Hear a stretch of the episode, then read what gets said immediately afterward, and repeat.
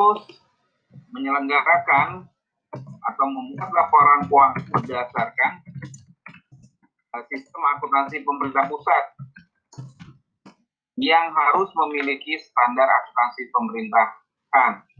Jadi uh, ketika kita menyelenggarakan sistem akuntansi pemerintah pusat, pasti sistem ini harus memiliki standar akuntansi pemerintahannya. Atau kalau kita di dunia kerja, kita mengenal uh, standar operat operating procedure. Uh, ini yang uh, harus harus uh, dibuat. Jadi kalau dasar hukum pasti uh, standar akta kan atau SAP itu harus ada. Seperti pengertian akuntansi yang lain, ya, bahwa kalau akuntansi itu harus sifatnya sistematik dari prosedur, penyelenggaraan, peralatan dan elemen lain. Jelas kalau suatu sistem dia harus ada prosedur, harus ada SDM-nya, harus ada peralatan, elemen lain. Dan elemen lain ini bisa ya uh, sifatnya sistem atau sifatnya kalau makin lama makin uh, ke depan kita harus berpikir selain sistem uh, mungkin selama ini kita berpikir kalau uh, memberikan pelayanan kepada masyarakat itu harus mendekatkan posisi uh, kita pemerintah dengan masyarakat. Namun untuk beberapa tahun ke depan mungkin kita harus berpikir uh, sistem atau berpikir transformasi informasi.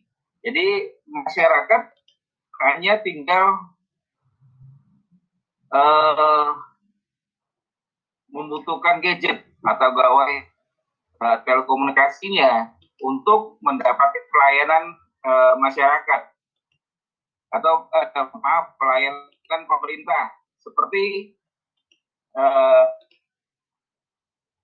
saya dapat cerita dari teman saya bahwa uh, untuk mendapatkan uh, kartu prakerja ternyata mereka tidak perlu datang ke kelurahan. Pun dengan gadget saja sudah selesai pendaftarannya. Dengan mengupload data-data dukung yang diperlukan untuk mendapatkan kartu prakerja itu sudah selesai dan otomatis langsung diverifikasi oleh pihak kelurahan tanpa yang bersangkutan datang ke kantor kelurahan. Jadi mungkin tahun-tahun ke depan eh, kantor-kantor uh, selain eh, SDM berkurang, yang pasti SDM-nya pasti berkurang karena semua sudah digantikan uh, mekanisme tersebut melalui sistem. Itu kalau uh, akuntansi ya. Jadi sistem dan elemen lain itu adalah sistemnya. Jadi kalau SAPP juga karena SAPP ini uh, mewujudkan fungsi akuntansi yang sesungguhnya. Kalau dulu belum berlakunya Undang-Undang Nomor 1, kita hanya uh, menerbitkan, ada yang tahu uh, harapannya yang diterbitkan oleh Bakum minggu kemarin? yaitu laporan perhitungan anggaran, laporan pertanggungjawaban anggaran. Hanya itu dan dikerjakan oleh satu instansi saja yaitu Bakun. Karena memang pengumpulan data masih menggunakan kertas gitu ya. Jadi kalau sekarang kan fungsi akuntansi uh, entitas terkecil juga sudah harus melakukan uh, laporan yaitu entitas terkecil adalah starter. Kalau pengertian akuntansi jelas akuntansi adalah sejak ada pengumpulan data, terus pencatatan,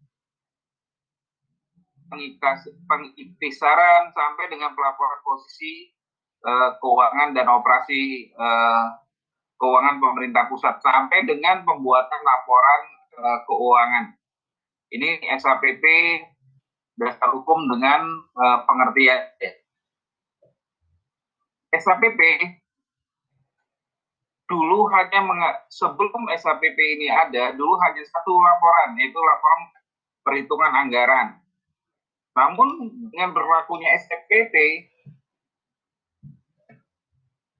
laporan pertanggungjawaban atau perhitungan anggaran itu sama dengan LFA karena tadi sebelum SAPP ini berlangsung hanya, eh, dasarnya cash cash basis jadi laporannya hanya satu LRA dengan berlakunya SAPP kita seperti minggu kemarin kita mengenal accrual basis namun sekarang uh, accrual basis yang murni belum uh, terlaksana, masih CPA. Namun dengan CPA saja sudah bisa menyajikan laporan tujuh jenis laporan keuangan.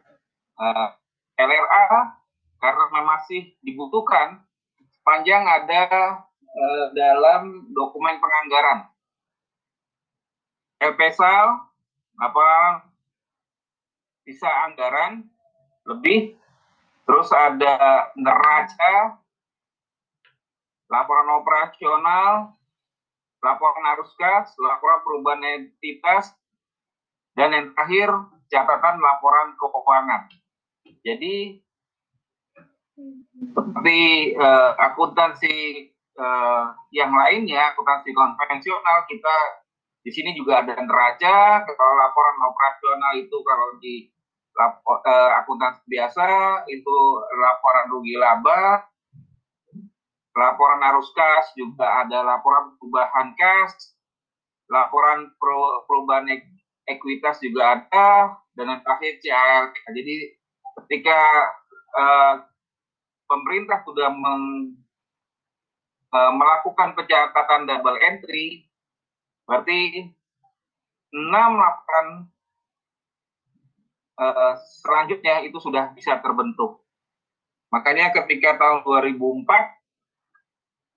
uh, mungkin ya 2005 pertama kali uh, laporan enam laporan sudah bisa uh, terbentuk. Ketika tujuan SAPP yang pertama pasti menjaga aset pemerintah pusat dan instansi-instansinya ini bisa kita lihat ketika double entry digunakan. Kalau ketika double entry digunakan, jelas kalau ada beli uh, atau membangun gedung, pasti di uh, debitnya adalah gedung dan bangunan.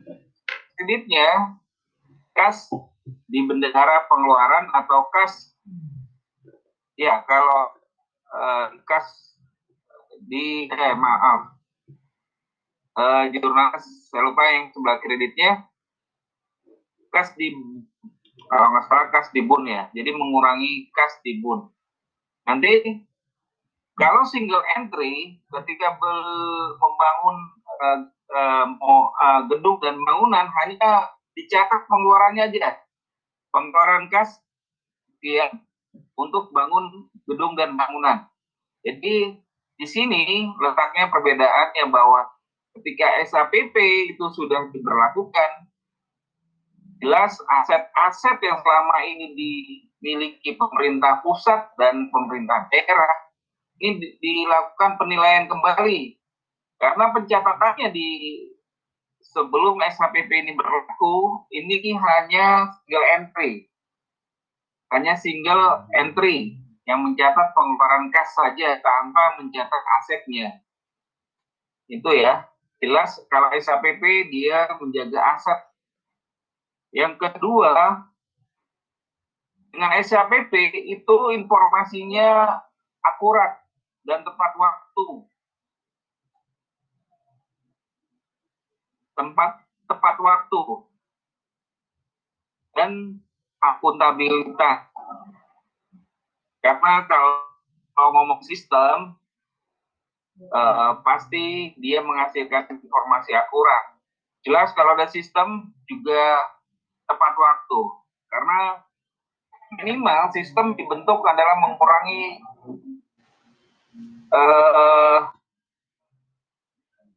sistem yang sifatnya dokumen.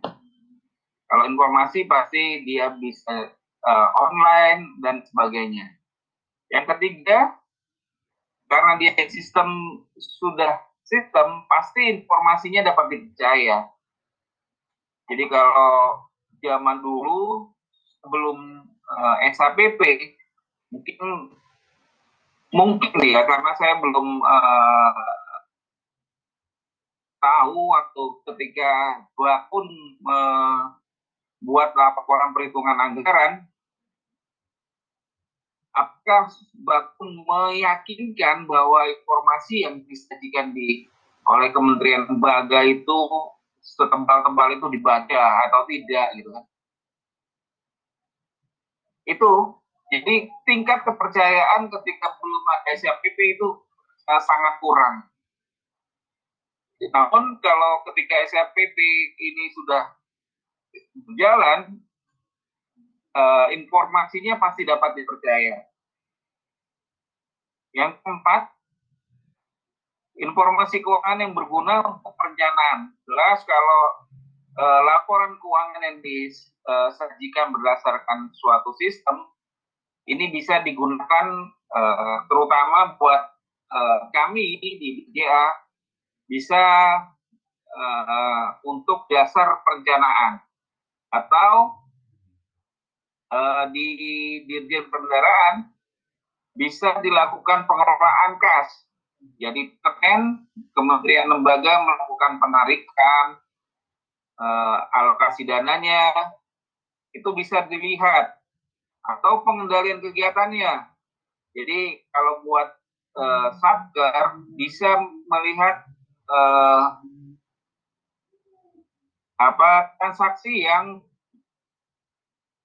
bisa diatur uh, dikendalikan transaksi yang sifatnya kontraktual sehingga dengan adanya perencanaan pengelolaan di perencanaan yang dikaki di DJA pengelolaan penarikan dari DJPB dan pengendalian yang dilakukan oleh Kementerian Lembaga sebagai uh, uh, COO ini dapat menghasilkan keuangan pemerintahan yang efisien. Jadi semua bisa dilakukan ketika SKPP ini sudah uh, berjalan. Ada pertanyaan sebelum dilanjutkan? Uh, uh, mohon maaf ya karena uh, saya gabung sama sekalian rapat di Mbak Penas ya di makanya saya selalu nengok sebelah kanan. Takutnya suara saya masuk ke handphone. Ada pertanyaan sebelum saya lanjutkan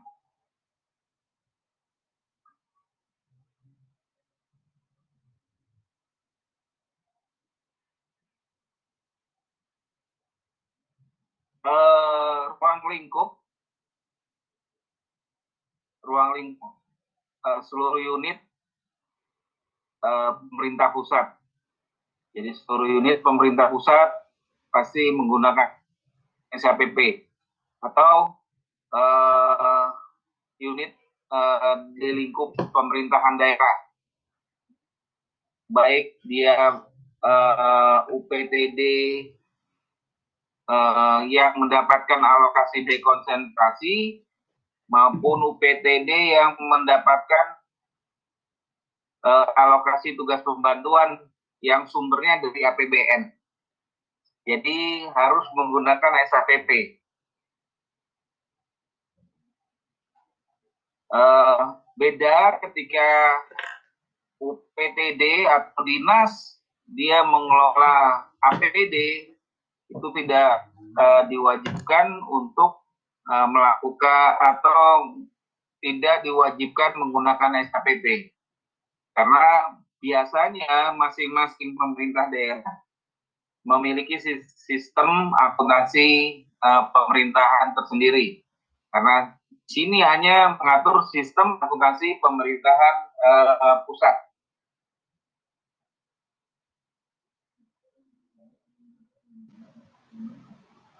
Uh, entitas yang dikecualikan tadi saya sampaikan bahwa adalah Pemda yang sumber dananya dari APBD.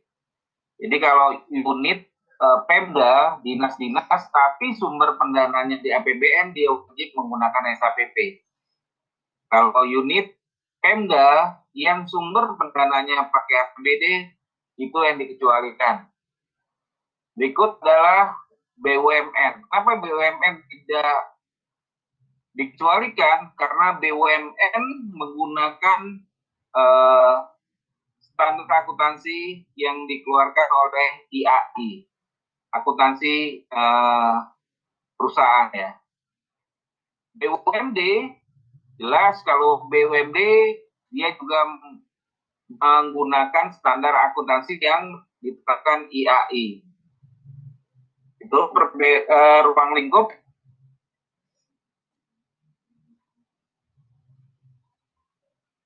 Ada pertanyaan sebelum saya lanjutkan.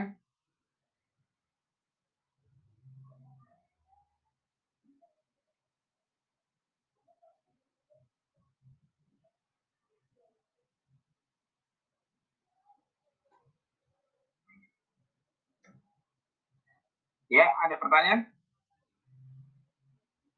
Karena kalau saya masuk uh, ketika jadi uh, dokumennya di share, saya nggak bisa melihat uh, monitor ya. Jadi siapa yang chat nggak bisa terlihat, makanya agak. Nah mungkin nanti saya uh, perbaikan kali ya. Saya aja yang tidak uh, mengerti ya ketika di share, saya tidak melihat tampilan uh, seperti di Zoom. Ya, ada pertanyaan?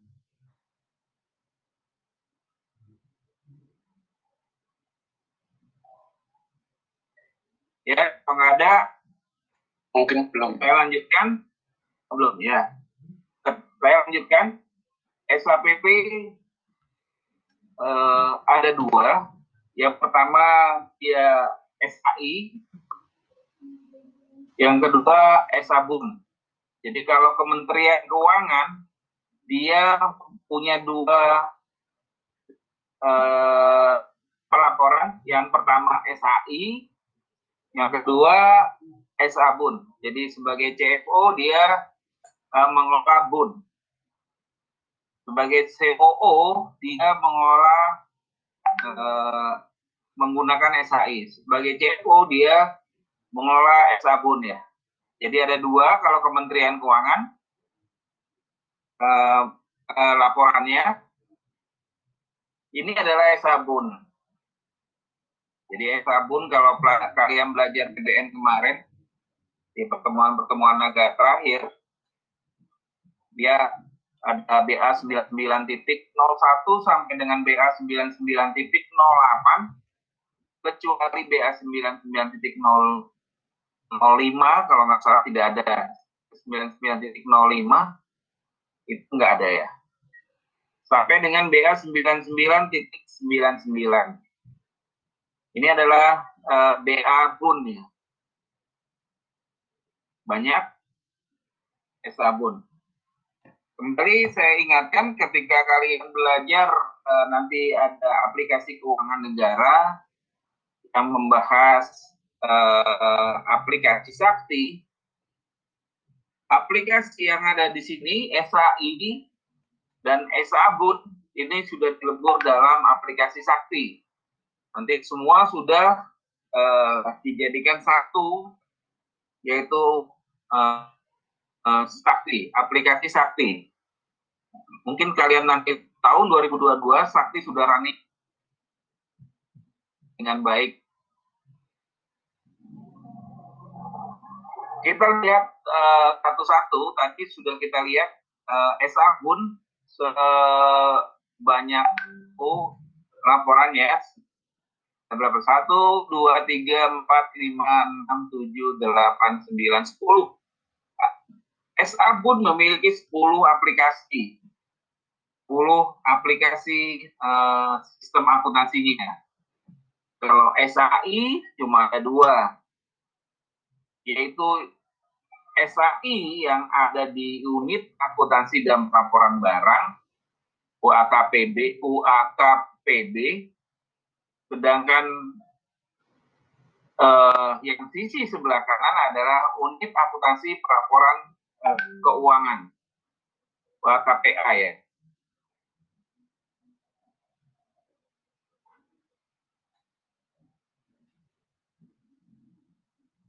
Jadi ini SAI ada dua uh, unit yang mengerjakan.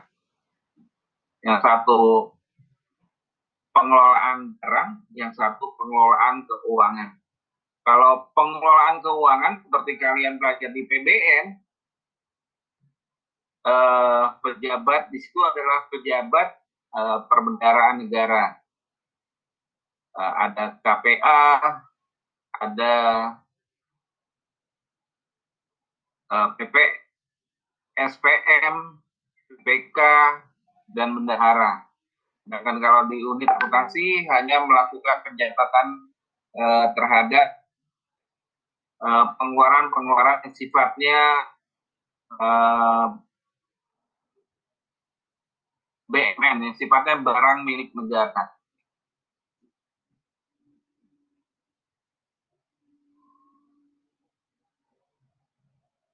uh, inilah mekanisme antara Ketik mekanisme pembuatan laporan keuangan pemerintah pusat. Jadi kalau di sisi sebelah atas Permisi, ini adalah Pak.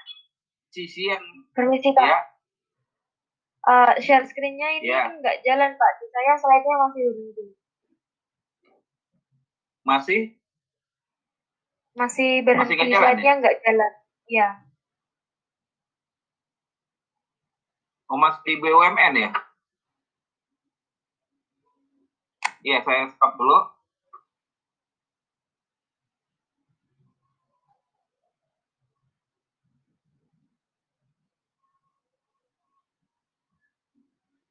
Ini seperti tadi dari BUMN ya, selesainya ya. Dari sini ya, tadi berhenti ya. Iya Pak, dari situ. Oke. Ya. Tapi dengar ya tadi ya. SAPP ada SAI, SABUN, SABUN ada 10 aplikasi.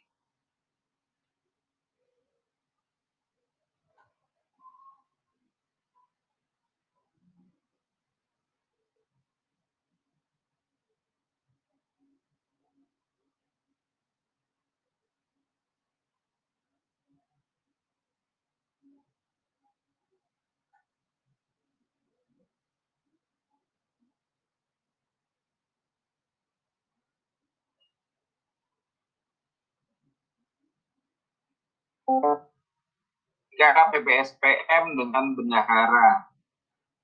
Nah, sekarang kita lihat bagaimana laporan keuangan eh, pemerintah pusat ini eh, terbentuk ya. Ini udah screen-nya udah yang bulat-bulat itu ya. Sudah Pak. di SAI kalau kalian eh, nanti di non Kementerian Keuangan kalian bergerak yang paling atas. Jelas itu kalian ber, memiliki tanggung jawab yang eh, sisi atas.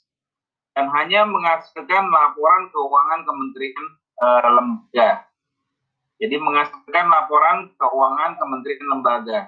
Ataupun kalian yang di Kementerian Keuangan namun ditaruh di eh, sekretariat jenderal atau di biro keuangan di biro perencanaan keuangan ini juga menghasilkan yang sisi atas. Namun ketika kalian ditaruh di eh, DJA DJA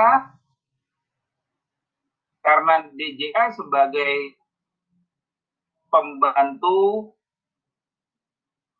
eh, pembantu PA, pengelola anggaran BUN, pembantu dari PA-nya BUN, PA-nya BUN itu Menteri Keuangan, jadi DJA sebagai PPA BUN dari uh, Menteri, DJA juga menyusun uh, laporan yang ada di sisi bawah. Nanti kalau DJA menghasilkan namanya laporan keuangan uh, BUN. Nanti di kom digabungkan masuk general ledger menghasilkan SAI jelas. Karena masuk SAI terus masuk SABUN kalau yang sisi bawah.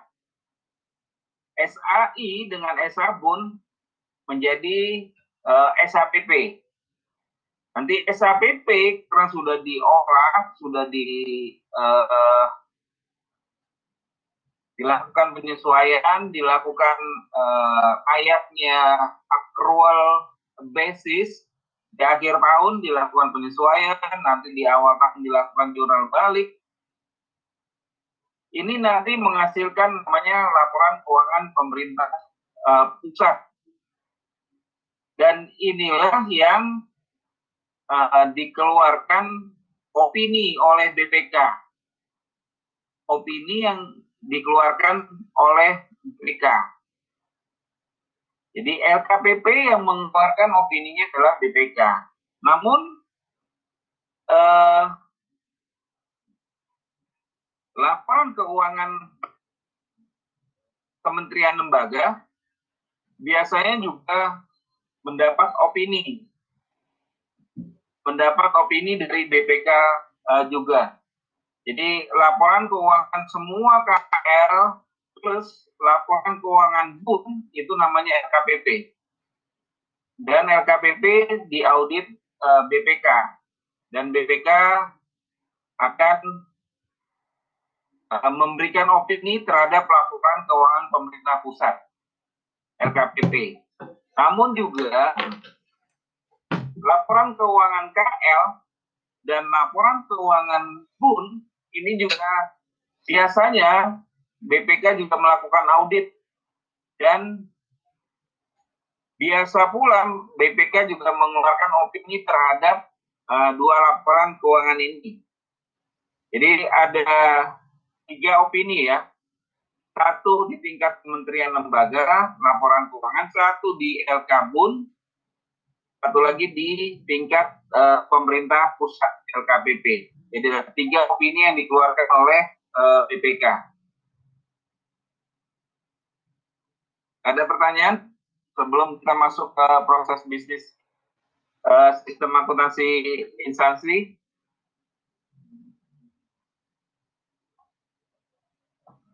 Ada? Baik. Uh, karena dia sudah uh, sistem ketika kita mau sistem yang jelas tadi uh, prosedur itu sudah dibentuk sudah terbentuk di tujuan yang di atas slide yang atas. Prosedur uh, perangkat dan uh, elemen lainnya sudah ada. Inilah yang eh, SAI pertama kali jelas SAI pasti ngomongnya sumber data ya, dokumen sumber.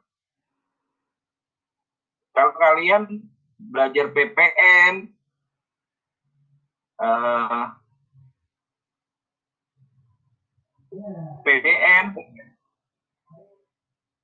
ini dokumen sumber pasti ngomongnya uh, DIPA.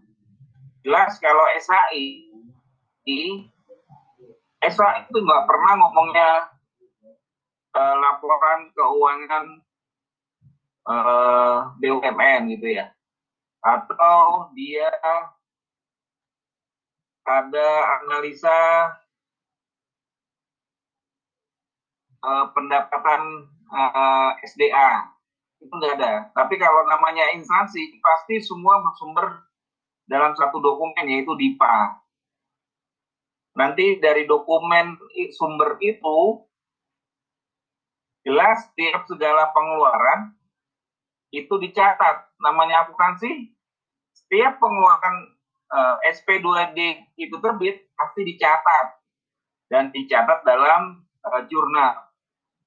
Nanti setiap penjurnalan angkanya itu dipindahkan ke uh, buku besar. Nanti buku besar dipindahkan ke buku pembantu. Nanti di buku pembantu kita sudah bisa membuat uh, laporan sebelum penyesuaian.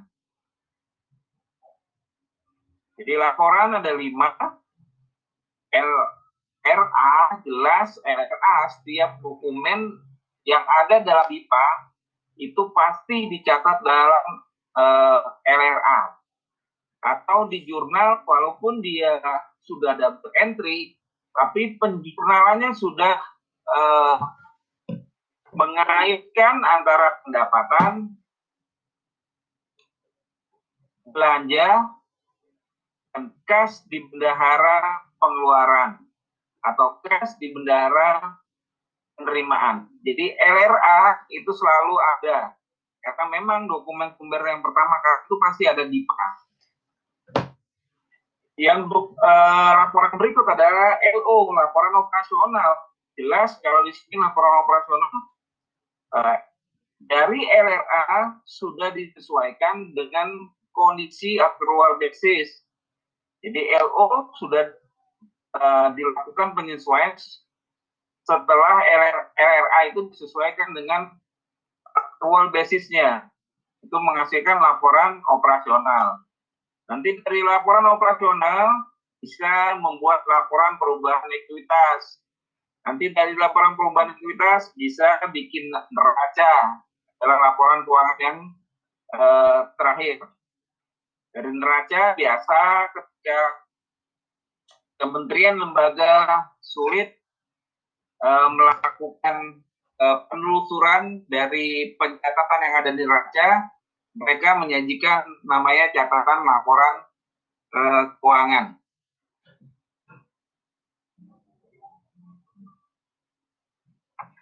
Uh, ini uh, tadi disampaikan bahwa tadi ketika ngomong standar akuntansi jelas ada input, ada proses, ada outputnya. Dan outputnya biasanya karena dia sudah standar, outputnya pasti relevan, handal, dan dapat dibandingkan, dan terakhir dapat dipahami. Itu ya, output dari yang dihasilkan itu relevan, andal, dapat dibandingkan, dan dapat dipahami. Tadi saya sudah terangkan bahwa dokumen sumber transaksi yang pasti di dalamnya ada DIPA.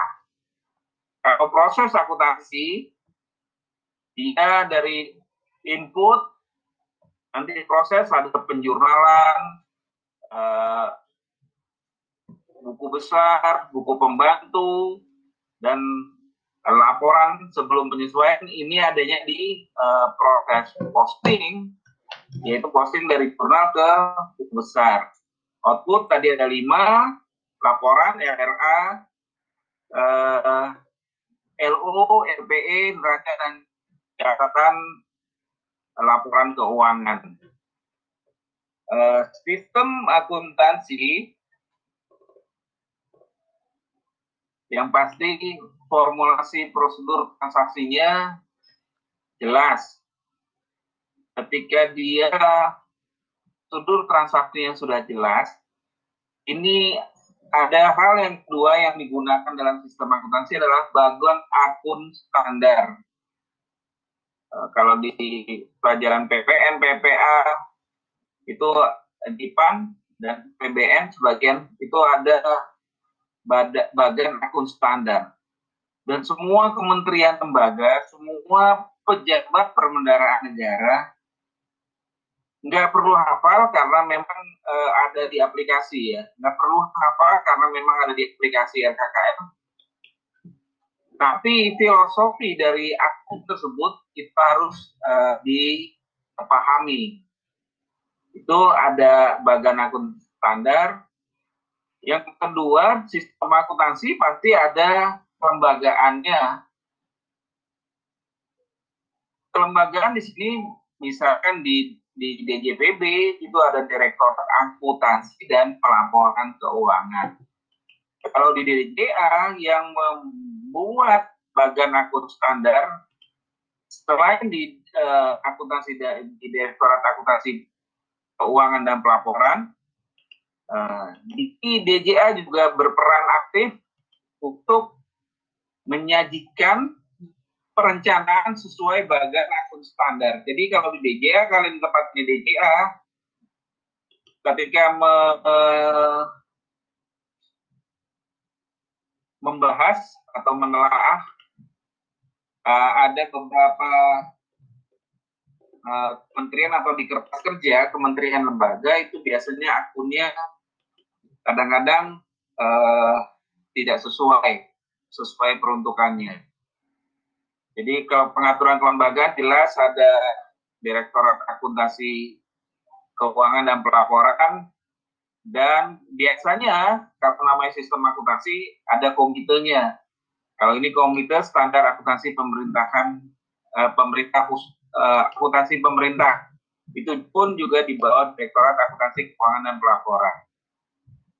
Kalau sistem tadi saya sudah sampaikan sistem juga harus ada hardware, ada software. Kalau hardware biasanya kementerian lembaga menyiapkan sendiri uh, jaringan internetnya, uh, bandwidth dari kementerian lembaga ke uh, instansi vertikal yang paling bawah. Ini itu. Kalau software biasanya Kementerian Keuangan yang menyiapkan. Jadi Kementerian Keuangan menyiapkan lapor software-software yang bisa seluruh kementerian lembaga menggunakannya. Dan yang terakhir, sebuah sistem harus atau dibutuhkan personil yang uh, tampil. Personil yang terampil di sini dimaksud uh, agar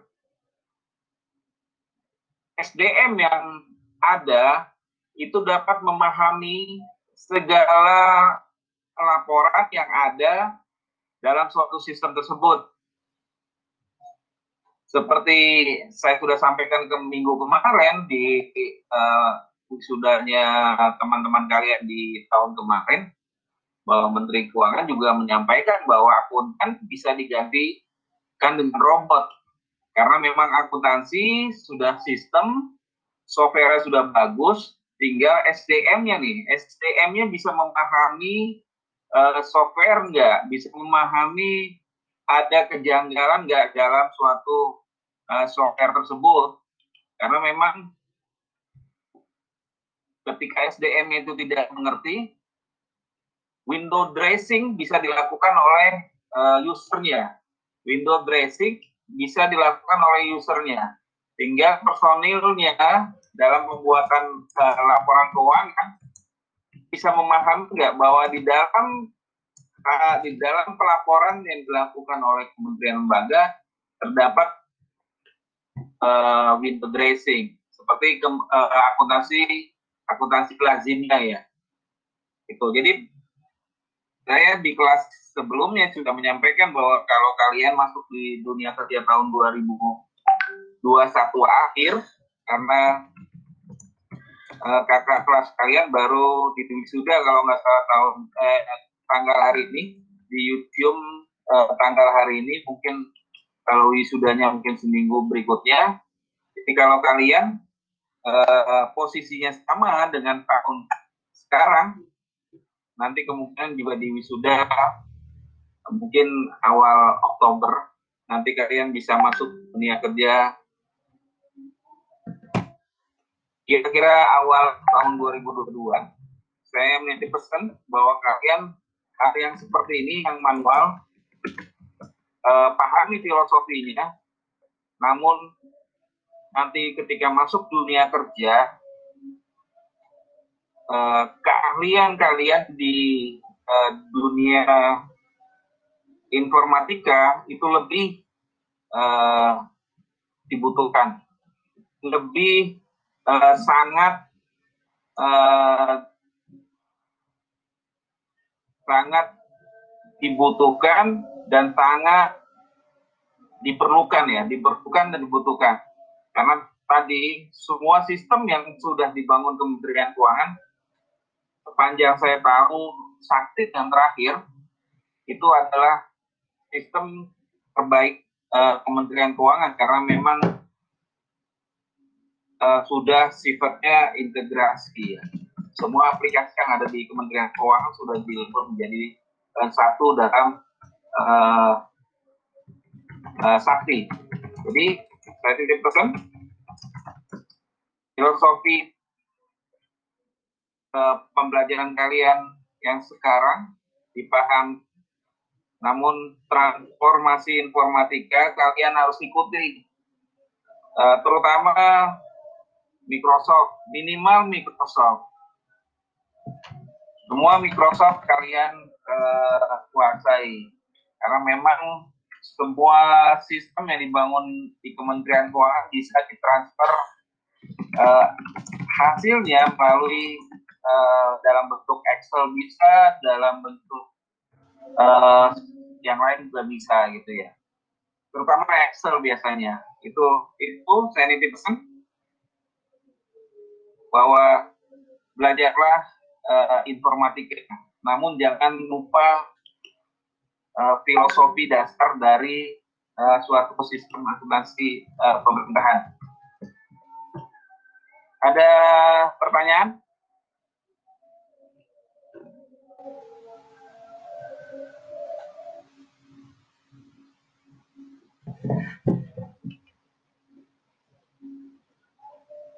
Ada pertanyaan?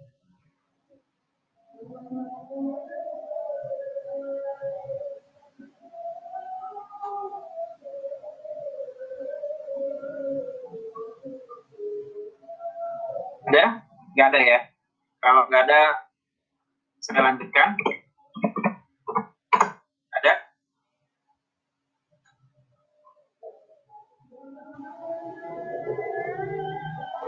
Ya, Ani, mau nanya?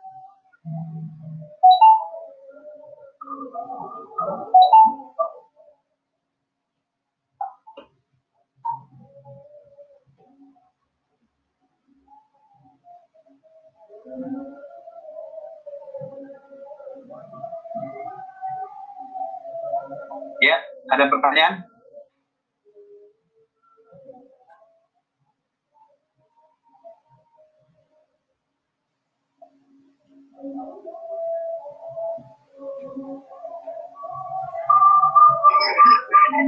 Mungkin dilanjut dulu aja, Kak.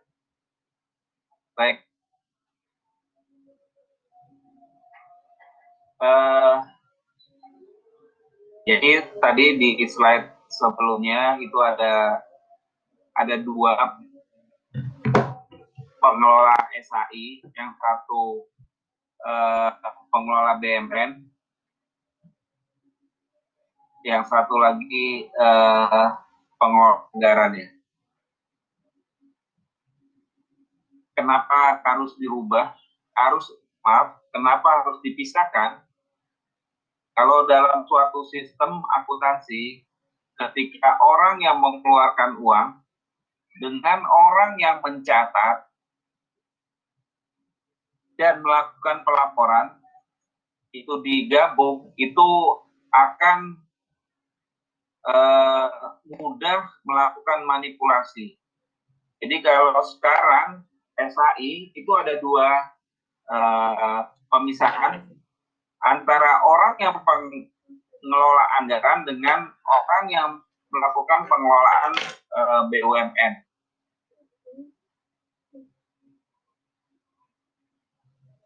Jadi kalau uh, KPA pengelola uh, sebentar ya, pas azan uh, izin 5 menit.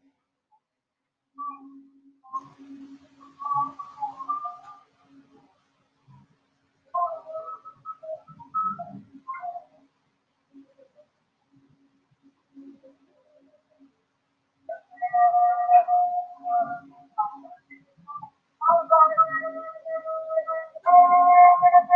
you.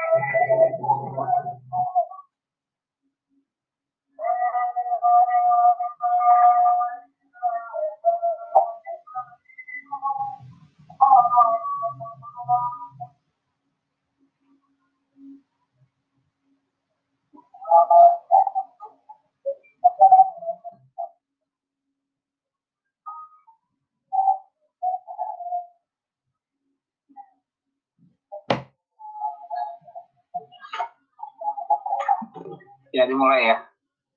Uh, Mbak Melia ya. Pertanyaannya, untuk menentukan opini LKPP itu wajar, apa, apakah perlu proporsi minimal LKKL yang harus wajar? Apa? Uh, begini ya, uh, LKPP atau laporan keuangan pemerintah pusat yang uh, sudah dikumpulkan dari laporan keuangan uh, nya kementerian lembaga. Jadi nggak nggak perlu uh, berapa misalkan ya memang ada terkaitan dengan laporan keuangan kementerian lembaga ya.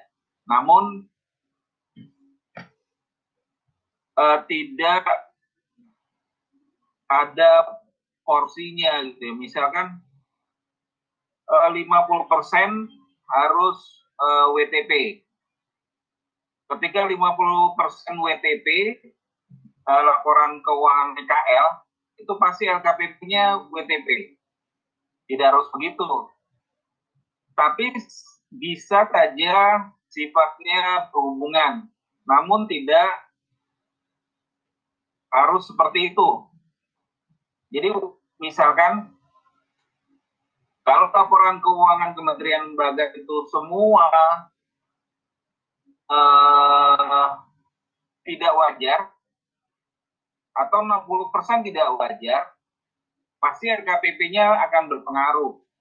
Namun pengaruhnya, misalkan 60% itu tidak wajar, tidak menutup kemungkinan ketika LKPP-nya itu bisa WDP.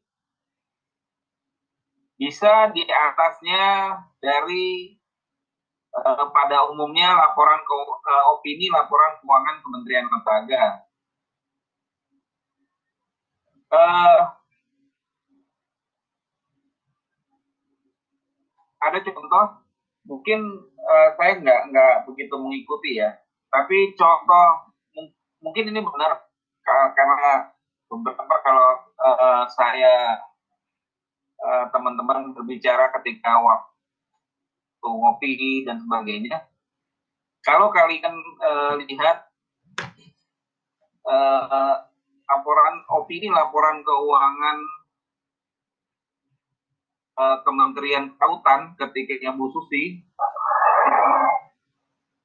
uh, ketika Bu Susi uh, memimpin dua tahun pertama Bu Susi memimpin uh, dia uh, laporan keuangannya kalau nggak salah WDP turun dia dari WTP jadi WDP dan banyak uh, kementerian lain juga seperti itu. Namun banyak yang turun dari WTP menjadi WDP tidak menutup kemungkinan LKPP-nya eh, kita LKPP sudah di atas lima tahun kalau nggak salah sembilan tahun berturut-turut WTP, WTP kalau nggak salah sembilan tahun eh, status kita LKPP-nya WTP dan ini nggak uh, tadi WTP wajar tanpa pengecualian uh, opini tertinggi ini biasanya diikuti dengan WTP dengan catatan. mungkin dengan catatan ini yang uh, misalkan karena banyak WDP dari kementerian lembaga atau sebagian ada misalkan 10% tidak wajar atau paling jelek lagi tidak memberikan pendapat misalkan porsinya 5% tidak memberikan pendapat tidak wajar 10% WDP misalkan 20% sudah 35% nih ya. 65% WTP kalau 65% WTP kemungkinan LKPP-nya ada adalah WTP. Namun eh, paragraf atau catatan eh, laporan keuangannya biasanya para kita ngomongnya paragraf ya. Paragrafnya itu banyak. Mungkin aset di kementerian ini belum bisa ditelusuri, pembayaran ini belum bisa dijadikan eh, uh, dasar karena belum ingkrah dan seterusnya gitu ya. Ketika dari tadi uh, persennya berubah jadi uh, tidak wajar atau hilang tidak memberikan pendapat terus tidak wajar, dia berubah menjadi WDP, semua berubah menjadi WDP, opini tingkat kedua itu tetap dia WTP tapi catatan laporan keuangannya itu paragrafnya itu makin sedikit. Kalau semua sudah misalkan 80 persen uh, ini itu uh, WTP, ada misalkan 15 persen WDP, eh 10 persen WDP, 5 persen tidak uh, tidak wajar. Ini uh, paragrafnya mungkin menjadi sedikit lagi berubah menjadi sedikit dan sedikit terus jadi tidak ada kalau uh, auditor ketika dia LKPP yang disusun Kementerian Keuangan itu sudah sesuai dengan uh, SAP, sudah sesuai dengan uh, mekanisme atau prosedur yang benar, sehingga pencatatan laporan keuangannya aja uh, uh, agak agak lebih banyak. Dan uh, ketika pemerintah atau BPK mengeluarkan opini mungkin ya sembilan tahun ke belakang ini memang uh, eh, WTP dan memang pembukuan karena ada perubahan tadi ada rep, ada undang-undang paket undang-undang reformasi keuangan itulah yang membuat uh, kita semua tertib uh, administrasi ya tertib uh, melakukan pembukuan. Tertib menilai sumber uh, dokumen pengeluarannya itu ya Mbak Amelia ya? Jadi karena SHPP-nya makin ke belakang, makin men, makin mendekati sekarang, SHPP-nya sudah makin baik, makin mudah dimengerti, makin banyak uh, orang yang uh, makin banyak kementerian lembaga yang memperoleh uh, opini WTP. Jadi nggak ada porsinya kalau ketika mau WTP porsinya dari 60% dari jumlah kementerian lembaga harus uh, WTP. Uh, nggak ada yang seperti itu ya. Jadi mungkin sepanjang dia memenuhi SAP, uh, auditor biasanya akan bersifat uh, profesional ya, memberikan opini. Kita lanjut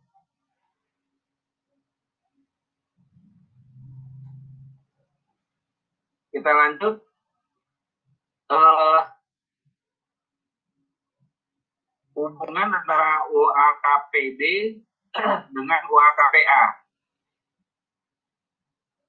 UAKPA yang kita kenal adalah pejabat penyelenggaraan uh, negara.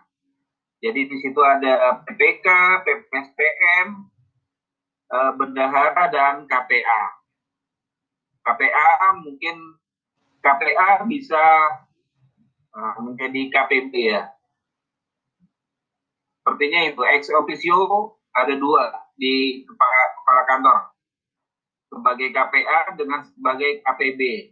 Namun pejabat uh, perbendaraannya yang di bawah KPA dengan KPB itu harus dipisahkan. Kembali ke soal mites uh, antara korelasi dengan KPA sebagai ex officio dengan pejabat perbendaraan. Kembali di sini uh, mereka sebagai bawahan secara administrator mungkin ada sedikit konflik interest ya. Uh, makanya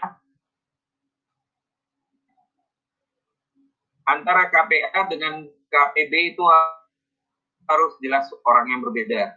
Karena tadi meminimalisir adanya manipulasi uh, data.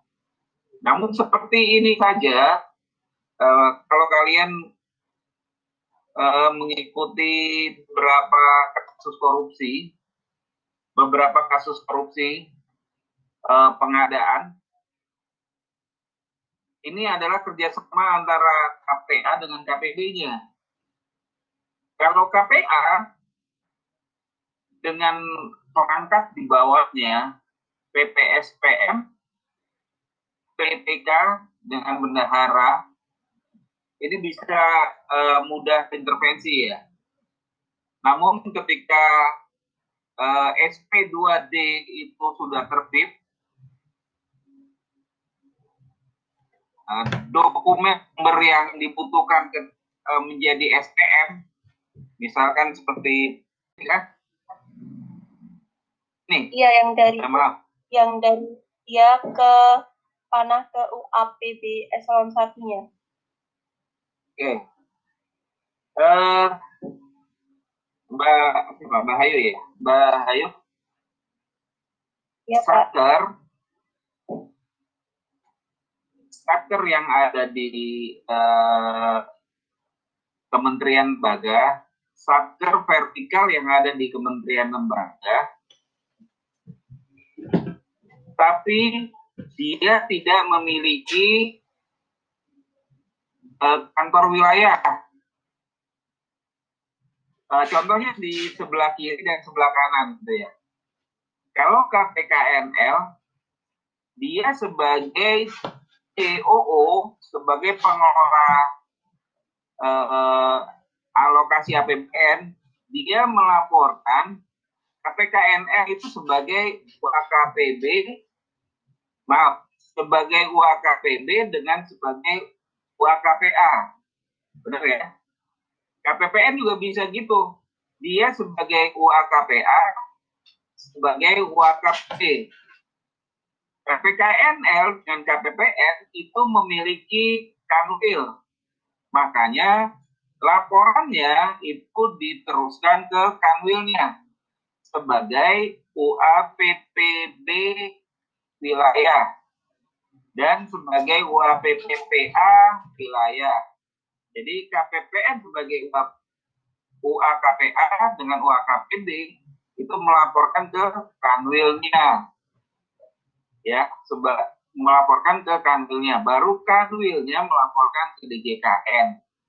Kenapa itu ada uh, di UAKPB langsung ke UAPPB eselon 1 atau UAKPA langsung ke UAPPA eselon 1 ada beberapa kementerian lembaga yang satker di bawahnya atau satker vertikal di bawahnya itu tidak memiliki kantor wilayah. Jadi tidak memiliki kantor uh, wilayah. Misal uh, kantor museum, museum uh, nasional atau museum uh, gadget apa museum gadget? Museum ya museum uh, misal kalau kalau museum gadget apa namanya museum nasional ya? Bukan. Oh iya museum nasional gitu ya. Museum gajah museum nasional. Itu ya dikelola oleh Kemendikbud atau dalam eh, eselon satunya Dirjen Kebudayaan. Kantor Museum Nasional yang ada di uh, Jalan Merdeka uh, Barat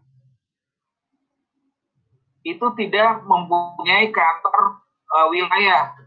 Jadi dia sebagai unit yang terbawah, unit si KE, UAKPD dengan UAKPA itu langsung melaporkannya ke eselon 1. Jadi tanpa dia melewati kantor wilayah karena memang dia tidak ada uh, kantor wilayah. Gitu ya Mbak Ayu ya. Makasih Pak. Jadi uh, ini uh, sesuai dengan kondisi aja. Kalau dia ada ada punya kantor wilayah, silakan dilaporkan ke kantor wilayah uh, terdahulu. Baik.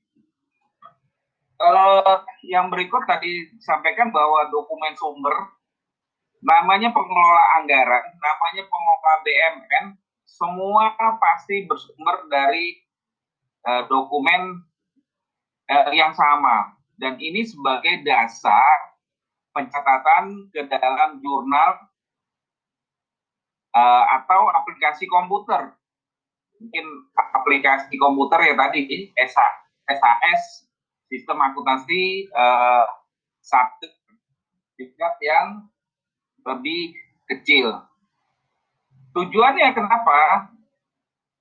Tadi saya sampaikan, kemungkinan kalau dia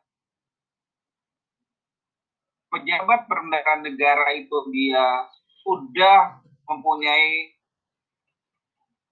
apa eh, kompetensi tersendiri, mempunyai eh, sertifikasi kompetensi, seharusnya hal ini semua pencatatan menjadi seragam. Karena tadi dokumen sumbernya sama di DIPA. Jadi input seharusnya seragam, tidak ada hal yang uh, berbeda.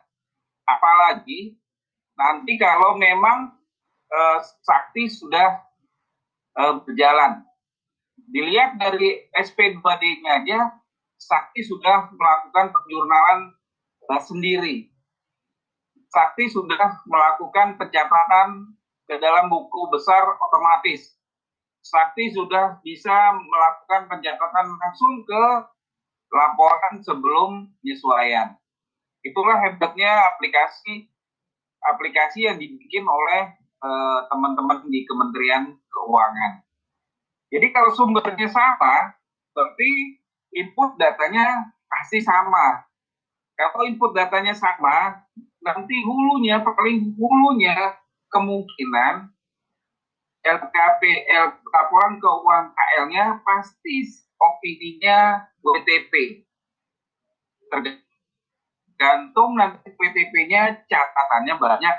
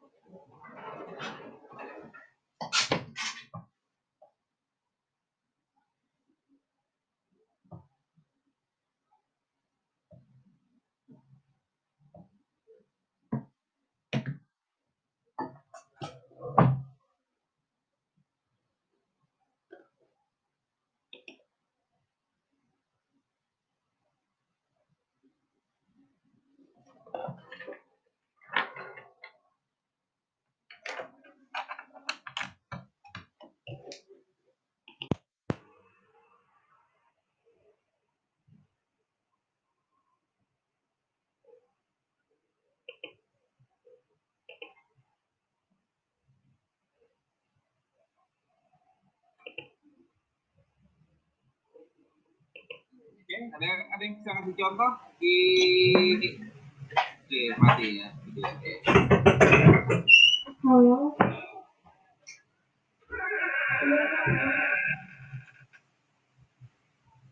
Ada yang bisa kasih contoh?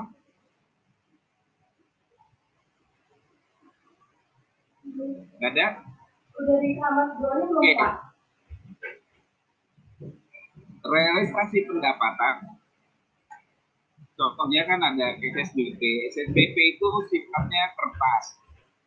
SSP sifatnya kertas. SSP, CP terkait dengan apa P gitu. Pabeanan sifatnya kertas. Ada yang sifatnya e-elektronik, e-dokumen. Misalkan apa? Uh, kalau kalian uh, nanti belajar aplikasi keuangan negara, di dalamnya mungkin ada atau ada pelajaran pendapatan uh, belanja eh pendapatan negara ya. Mata kuliah hari ini apa? Pendapatan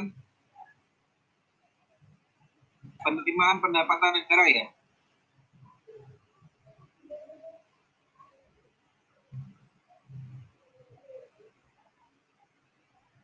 Pelajaran sekarang apa? Pendapatan, penerimaan pendapatan negara ya?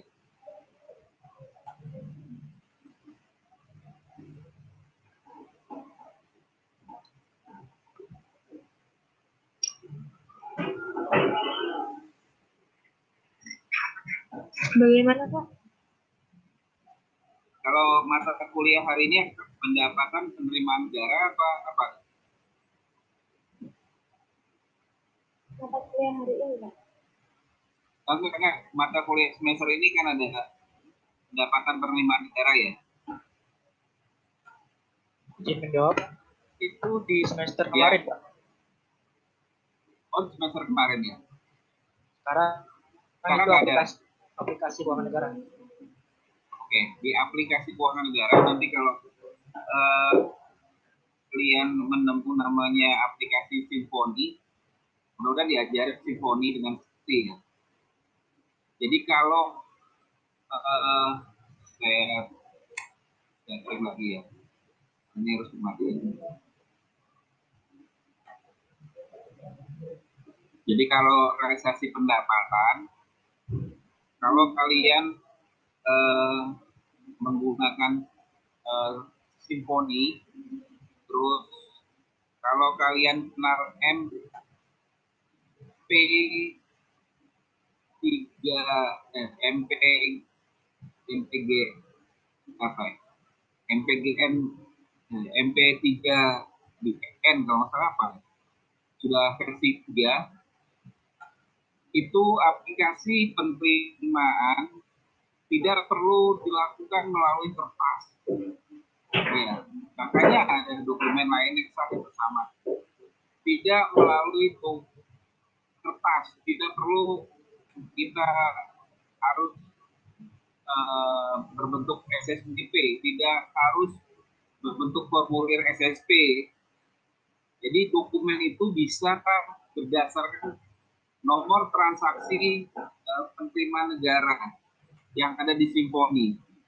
Dan si pembayaran tersebut bisa dilampirkan sebagai atau bukti penyetoran ke kas negara itu bisa dilakukan via m-banking dengan via ATM dan dokumen itu sah sebagai bukti uh, penyetoran berkasih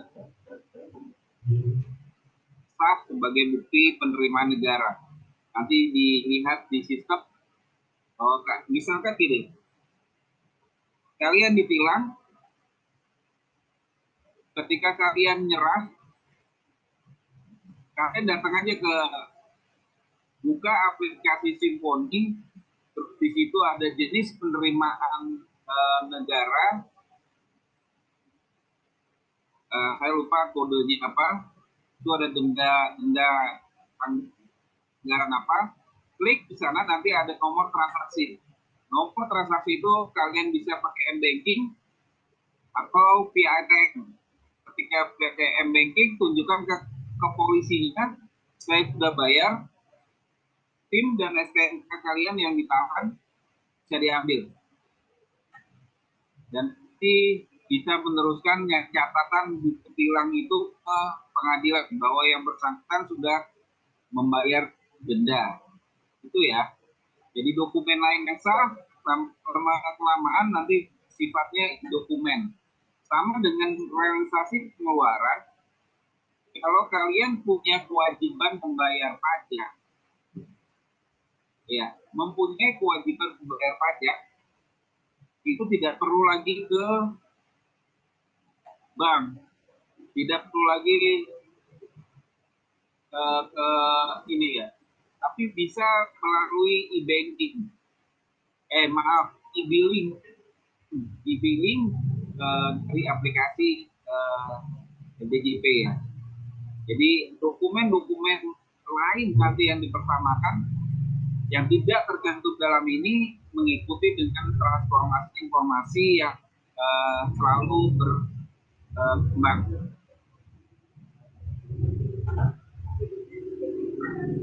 Uh, pertanyaannya Rosa,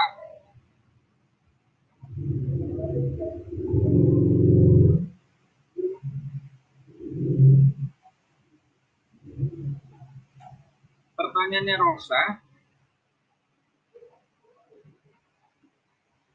apabila suatu instansi tidak menyampaikan laporan keuangan dan dikenakan sanksi, oh ini kan perlu saya sampaikan ya, nah nanti saya, saya jawab ketika slide-nya di halaman terakhir uh, sudah uh, berlaku ya. Oke. Okay. Terus memo juga gitu, nanti dokumen terkait piutang, itu semua pasti standar. Dokumen terkait transaksi persediaan, semua karena berbentuk sistem, berbentuk sudah uh, sistem, semua pasti seragam. Termasuk yang terakhir, seperti soal IPBN semester genap, itu ada BIT, ada SK penghapusan, pemberhentian, dan seterusnya. Itu semua dokumen-dokumen yang ada bersifat uh, sejenis. Mungkin ada beberapa dokumen yang sifatnya uh, terbatas. Mungkin uh, untuk infrastruktur dia sifatnya dibiayai oleh multi kontrak, mungkin ada dokumen lain uh, sejenis. Nanti semua ketika ada transaksi multi kontrak dokumen sama. Ini juga ada contohnya dokumen konstruksi dalam pekerjaan nanti juga ada uh, laporan semua pasti sejenis. Dan kemungkinan tadi kemungkinan uh, yang ada uh, pasti uh, laporan keuangan uh, menjadi lebih baik gitu ya. Nah sekarang rekonsiliasi data. Semakin baik suatu sistem semakin baik software yang disiapkan uh, Kementerian Keuangan semakin agak berkurang uh, rekonsiliasi data. Jadi rekonsiliasi data ini karena masih banyak menggunakan orang masih banyak menggunakan uh, kertas. Kertas punya tebal-tebal sekarang karena APBN kita uh, hampir 2.200 T. Jadi mungkin kertas itu kalau dikumpulin dokumennya mungkin sulit dengan SDM yang ada supaya periksa. Namun semakin banyak semakin baik sistem yang dibikin semakin agak agak mengurangi rekonsiliasi data. Mungkin rekonsiliasi data dengan suatu sistem diklik sehingga menyamakan atau uh, kita mencari pembanding. Kalau rekonsiliasi kan ada yang diperiksa, ada bandingnya. Mungkin ketika nanti kementerian lembaga melakukan rekonsiliasi data atau kementerian keuangan, kementerian keuangan punya pembanding. Dan itu dilakukan bias uh, makin uh, makin ba lebih baik sistem, makin agak cepat uh, pemeriksaannya karena sistemnya sudah uh, baik. Jadi rekonsiliasi data sudah diminimalisir ya. Jadi kalau rekonsiliasi data kalau di dalam satu satker mungkin dari uh, eh, KPA dengan KPB uh, pencocokan nanti KPA eh uh, pengelola anggaran dengan pengelola barang nanti pengelola barang nanti rekonsiliasi ke uh, KPKNL nanti pengelola anggaran rekonsiliasi ke KPKN ini ini cuma mensinkronkan uh, data uh, per uh, waktu tertentu. Rekonsiliasi bisa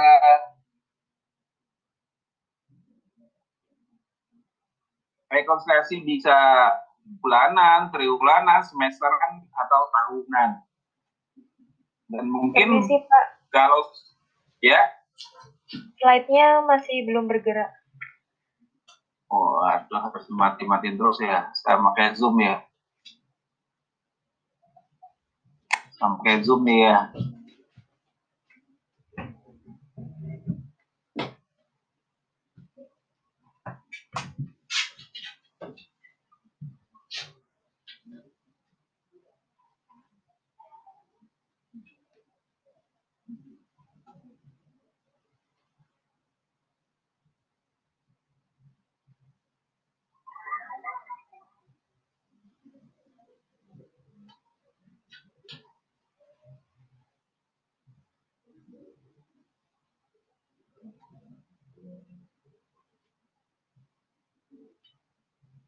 Muter ya? Sudah Pak, sudah bisa. Eh, sudah bisa? Sudah sampai sudah, sudah. bulanan triwulan ya? Iya, ini di slide yang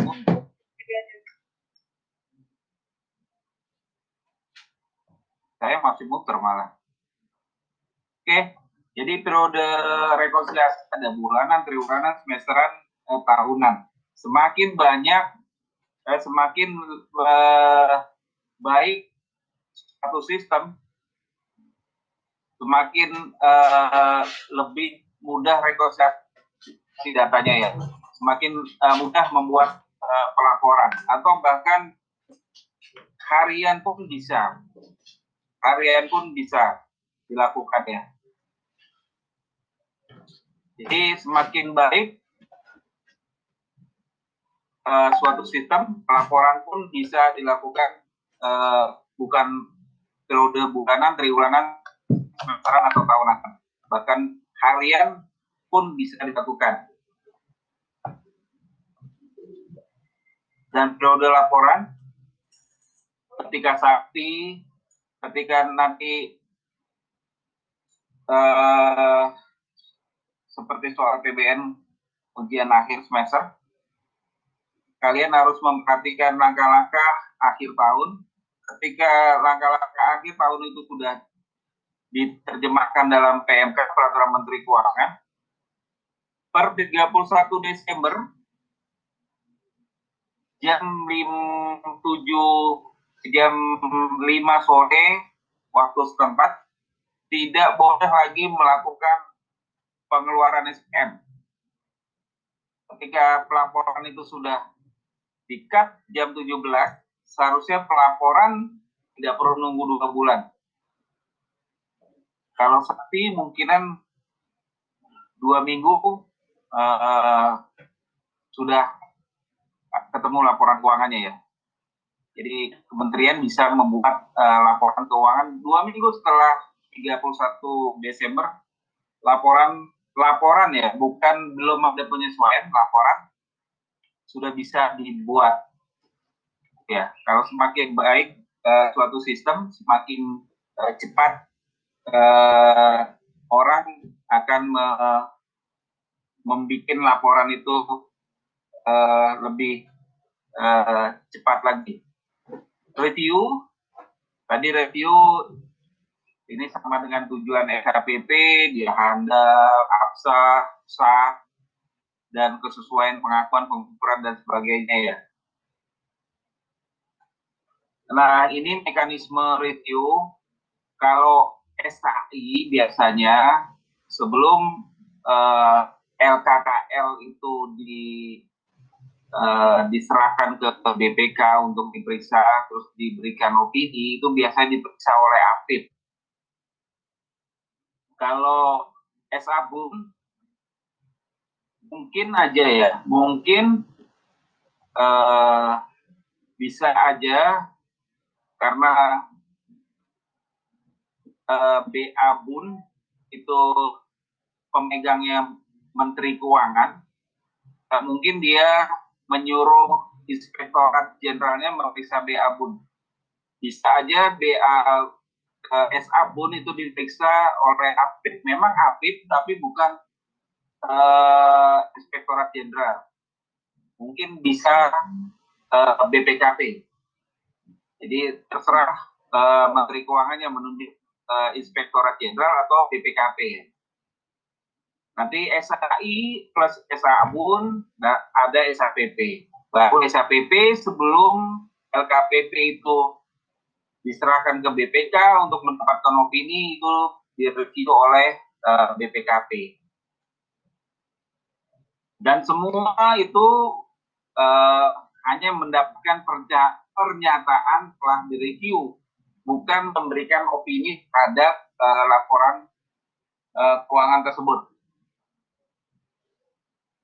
Uh, pelajaran ini ya. nggak jalan lagi ya.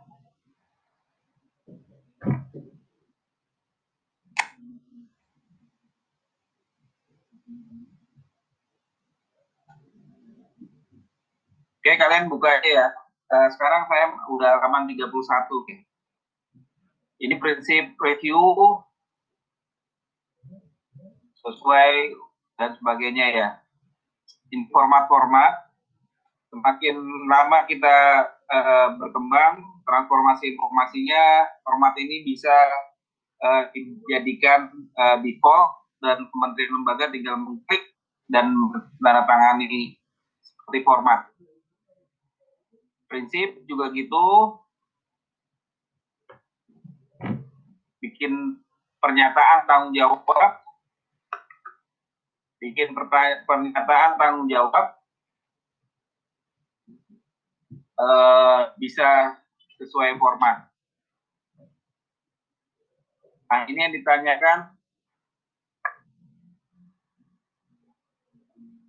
ditanyakan uh, Rosa ya. Rosa menanyakan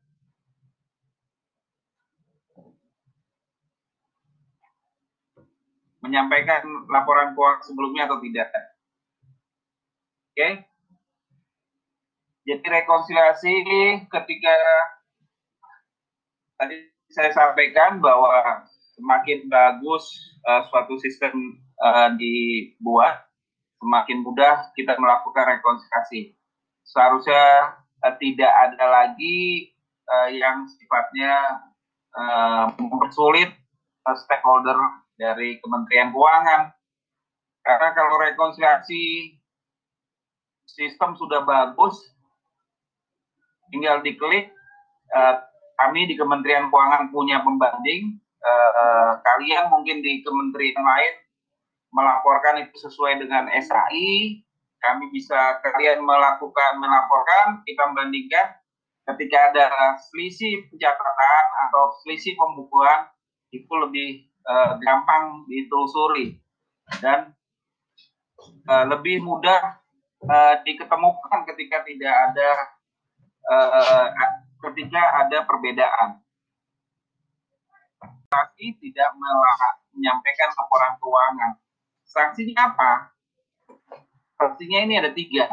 Uh, sanksinya tidak uh, KPPN tadi rekonsiliasi laporan ada ada empat uh, jenis waktu bulanan, triwulan, semester, tahunan. Ketika dia satker tidak melakukan pelaporan bulanan ke KPPN, misalkan tanggal 30 September, satker tidak melaporkan uh, laporan bulanan ke KPPN, tanggal 1 Oktober Saker tidak bisa melakukan pencairan atau menyampaikan SPM untuk jadi SP2D ke KPPN. Sepanjang itu belum ada uh, laporan atau rekonsiliasi laporan Saker ke KPPN, SPM akan selalu dikembalikan oleh KPPN sepanjang belum ada laporan, SPMH selalu dikembalikan oleh KPPN. Semua SPM, kecuali tiga sebelah kanan. Kecuali tiga jenis SPM yang di sebelah kanan. SPM LS belanja pegawai, SPM LS kepada pihak ketiga dan SPM pengembalian.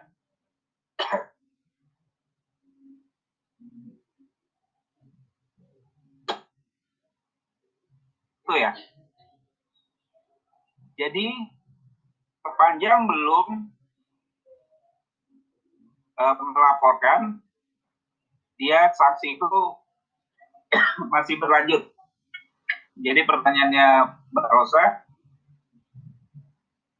masih berlanjut ya.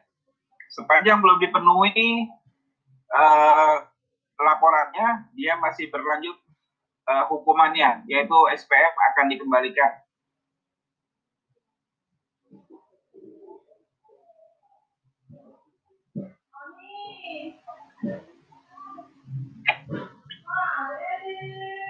Pertanyaan dari Ani, kenapa uh, tanggal 30 November sudah uh,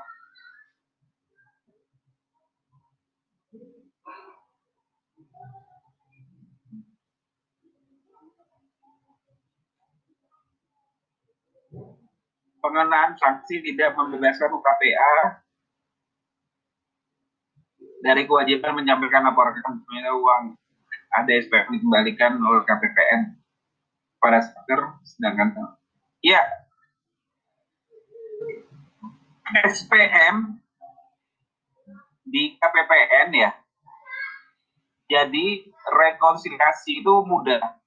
Ketika saat dia sudah menerbitkan SPM, tapi di pembukuannya KPPN nanti di jurnal juga ada uh, nanti di pertemuan berikutnya nanti ada SPM sudah diterbitkan namun SP2B uh, di tidak jadi diterbitkan karena SPM-nya dikembalikan. Jadi rekonsiliasi itu digunakan karena itu tadi ada perbedaan SPM yang ditolak karena SPM setiap SPM yang diterbitkan bendahara atau itu harus mencatat di pencatatannya Nah, ketika ada pencatatannya dengan laporan yang ada di KPPN itu pasti selisih. Itu ya Mbak Ani ya. Dan laporan keuangannya sudah sebesar SP2D yang ada di KPPN.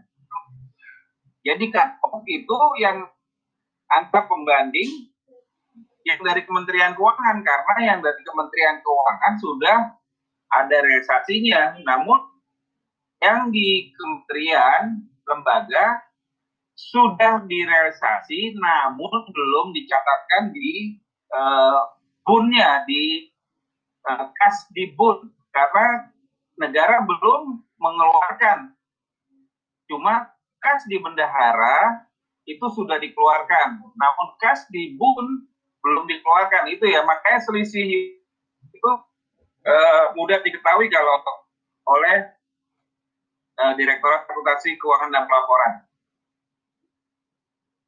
Slide 29.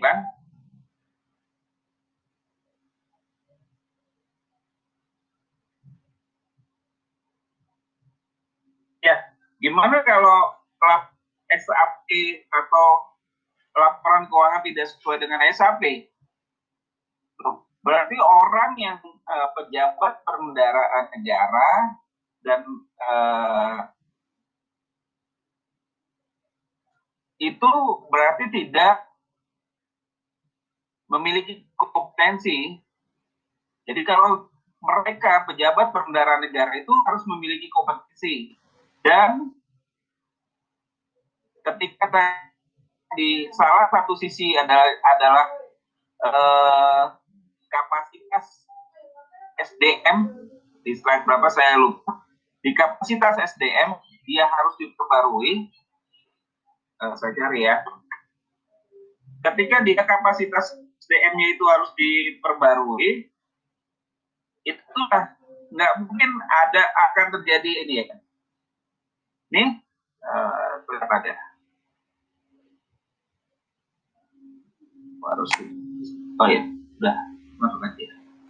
Ketika dia kapasitas, maaf, ini. Di sini di sebelah kanan ada personil terampil. Di sini yang yang kita harus nggak mungkin lah. Apabila personil itu terampil, dia memiliki kompetensi, namun penyusunan laporan keuangannya tidak sesuai dengan peraturan uh, perundangan dan SKP. Kalau ini terjadi, yang jelas Oke, saya dulu. Yang jelas,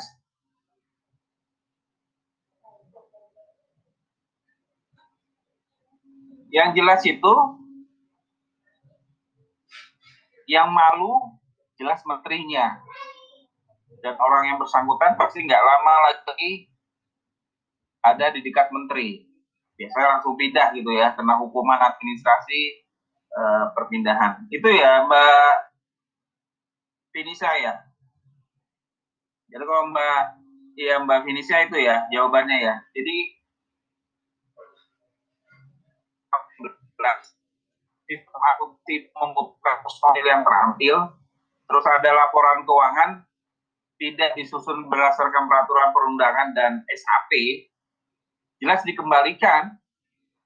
Kalau dikembalikan, jelas personil tadi dan pasti kena sanksi administrasi, sanksi yang sifatnya intern. Karena kami di, mungkin di Kementerian Keuangan akan mengembalikan e, berbentuk surat dan menerangkan alasan pengembaliannya. Dan kalau sudah seperti itu alasan pengembaliannya, berarti siap-siaplah kalau kalian letaknya di e, bekerja nanti tahun 2022, letaknya di orang yang melakukan pembukuan dan kalian nggak memahami uh, peraturan perundangan dan SHP-nya, ya siap-siaplah kalian. Pertama pasti dimarahi, yang kedua kena administrasi kepegawaian.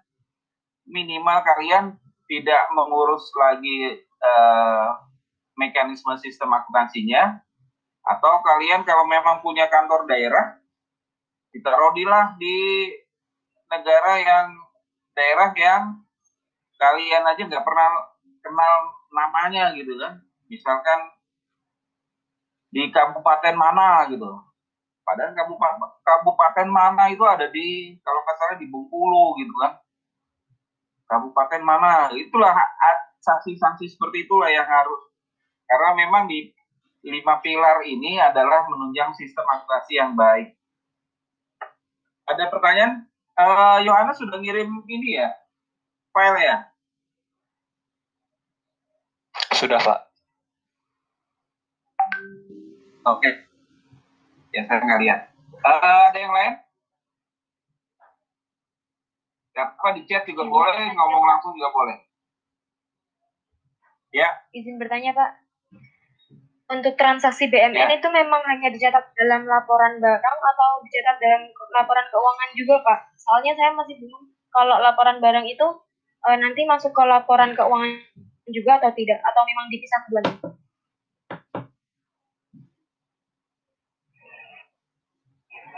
Uh, bentar. Saya satu titik dulu. Ya, Mbak Maulina ya.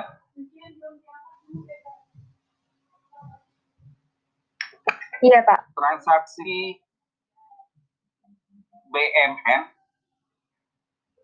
terjadi karena adanya pengeluaran eh, dana, pengeluaran alokasi atau lebih singkatnya BMN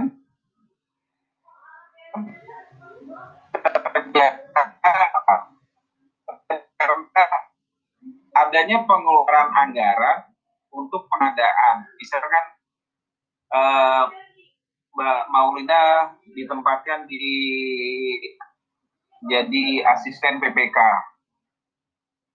Mbak Maulina disuruh beli komputer. Jelas Mbak Maulina mengeluarkan berdasarkan uh, uh, apa namanya? Berdasarkan ketentuan yang berlaku, Mbak Maulina menyiapkan SPK, menyiapkan kwitansi, berita acara serah terima,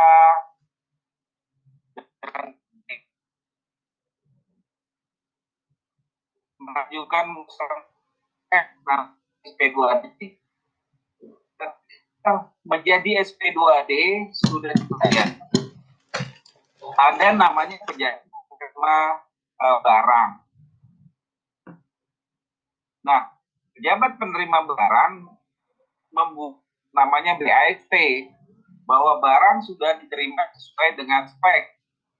Ketika barang sudah diterima sesuai dengan spek, dengan sesuai dengan SPK atau kontrak, laporan itu diserahkan ke KPB sebagai kuasa pengelola BMN. BAST itu dicatat dan dimasukkan ke simak uh, eh, BMN dimasukkan ke aset uh, tetap dari satker yang bersangkutan. Jadi itu Mbak Maulina nggak mungkin itu kalau pengadaan. Kalau penghapusan, ketika KPB melakukan penghapusan, misalkan Mbak Maulina ditempatkan di, di Sumbang Mom gitu ya sebagai pengelola uh, BMN. Ternyata ada mobil yang harus diterang. Rela. Terus uh, sukses terjual. Bukti penerimaan hasil atau bukti penghapusan kendaraan atau mobil itu Mbak Maulina serahkan berikut bukti uh, setoran PNDP-nya ke mana ke bendahara. Nanti bendahara yang mencatat segala transaksi yang di KPB tidak ada penjualan mobil uh, hasil penjualan sudah disetor ke kas negara, bukti stornya dilampirkan ke eh, KPA untuk dicatat sebagai penerimaan uh, satker. Itu perbedaannya. Maka makanya kedua unit ini KPA dengan KPB harus dipisahkan. Tidak boleh digabungkan. Kalau digabungkan dia bisa uh, manipulasi data. Ketika orang yang terbatas, bisa saja dicarikan uh, oleh orang yang lain. Gitu ya. Uh, terus Mbak Dina ya, Mbak Dina nanya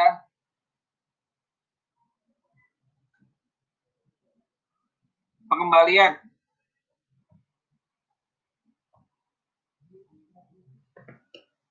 SPM pengembalian. Ini saksikan di itu ada SPM pengembalian.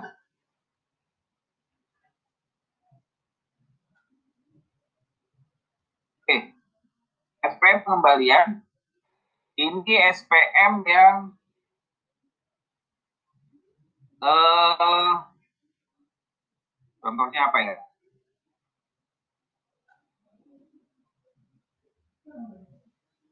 uh, eh, SPM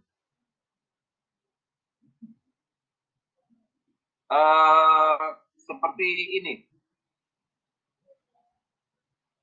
SPM yang sifatnya Satgas harus melakukan pengembalian uh, ke pihak tiga. Misalkan Satgas tersebut berdasarkan keputusan pengadilan sudah sifatnya ingkrah, satker tersebut harus melakukan pembayaran kembali ke pihak ketiga berdasarkan putus pengadilan, misalkan. Pekerjaan sudah selesai, ternyata pekerjaan sudah selesai, ada penalti atau ada keputusan pengadilan yang dituntut oleh pihak ketiga, yang dituntut oleh pihak ketiga dan dimenangkan oleh pihak ketiga, Sakar harus membayarkan ke uh, uh, pihak ketiga tersebut berdasarkan putusan pengadilan. Inilah SM pengembalian.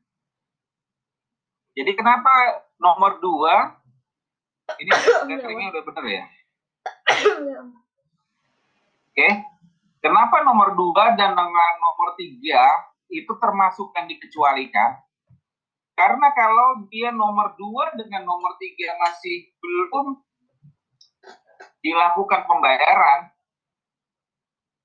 bukan pembayaran, negara ini makin atau satker itu makin e, mendapatkan nanti tagihan yang lebih besar. Dalam artian kalau e, satker gara-gara tidak melakukan uh, rekonsiliasi atau membuat laporan SPM pihak ketiga ditolak, SPM pengadilan berdasarkan eh, SPM pengembalian berdasarkan putusan pengadilan juga ditolak. Mereka ber atas SPM nomor 2 dengan SPM nomor 3 ini bisa di, diklaim kembali dan ditambah denda. Makanya untuk menghindari uh, tambahan kewajiban tersebut ini harus dibayar segera. Itu ya Mbak siapa tadi? Terakhir Mbak Dina ya. Jadi peringatan jadi dikasih peringatan, iya dikasih peringatan selalu ketika dia belum melakukan laporan secara berkala, pasti dilakukan peringatan oleh Kementerian Keuangan. Namun sanksi itu tetap berlaku, kecuali tadi tiga SM tadi dikecualikan. Apakah gara-gara satker tidak melakukan rekonsiliasi, tidak membuat laporan, terus tahu-tahu pegawai yang lain tidak terima gajian tanggal 1. Kalau saya jadi pegawai satker tersebut, saya pasti akan marah. Saya nggak nggak berdosa, tahu-tahu saya nggak dapat gaji dan tidak dapat gaji yang saya terima setiap tanggal satu gara-gara tidak melakukan laporan. Dan itu melanggar HAM karena saya sudah bekerja terus nggak dibayar gajinya. Makanya itu dikecualikan. Kalau nomor dua dan nomor tiga nggak dibayar dengan segera, negara akan melakukan akan mengalami kerugian karena pihak ketiga tersebut pasti akan menuntut uh, balik menuntut menuntut apa namanya menuntut pembayaran tersebut plus uh, bunganya. Karena keterlambatan pembayaran. Itu ya mbak ini ya.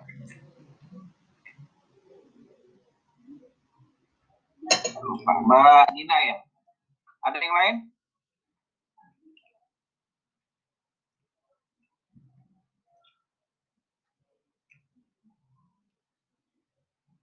Ada yang lain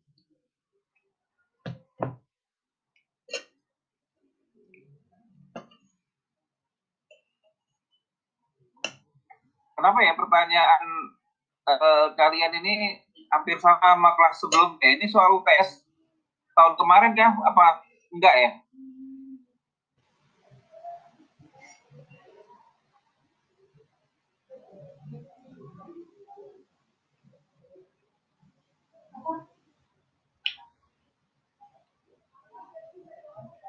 Ada yang lain?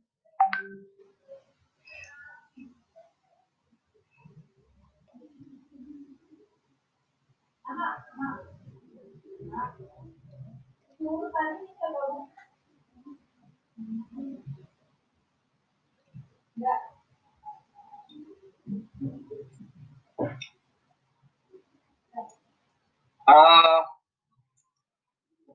jadi kita via LMS ini salah satu tadi saya sudah saya sudah sampaikan bahwa sistem agak sulit uh, dipermainkan gitu ya karena tercetak waktu dan sebagainya kalau semester kemarin saya mempertimbangkan beberapa pertimbangan saya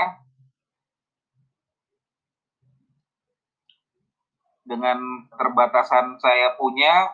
Saya punya cuma laptop yang biasa. Lebih baik uh, via WA group. Gitu ya. Ada yang lain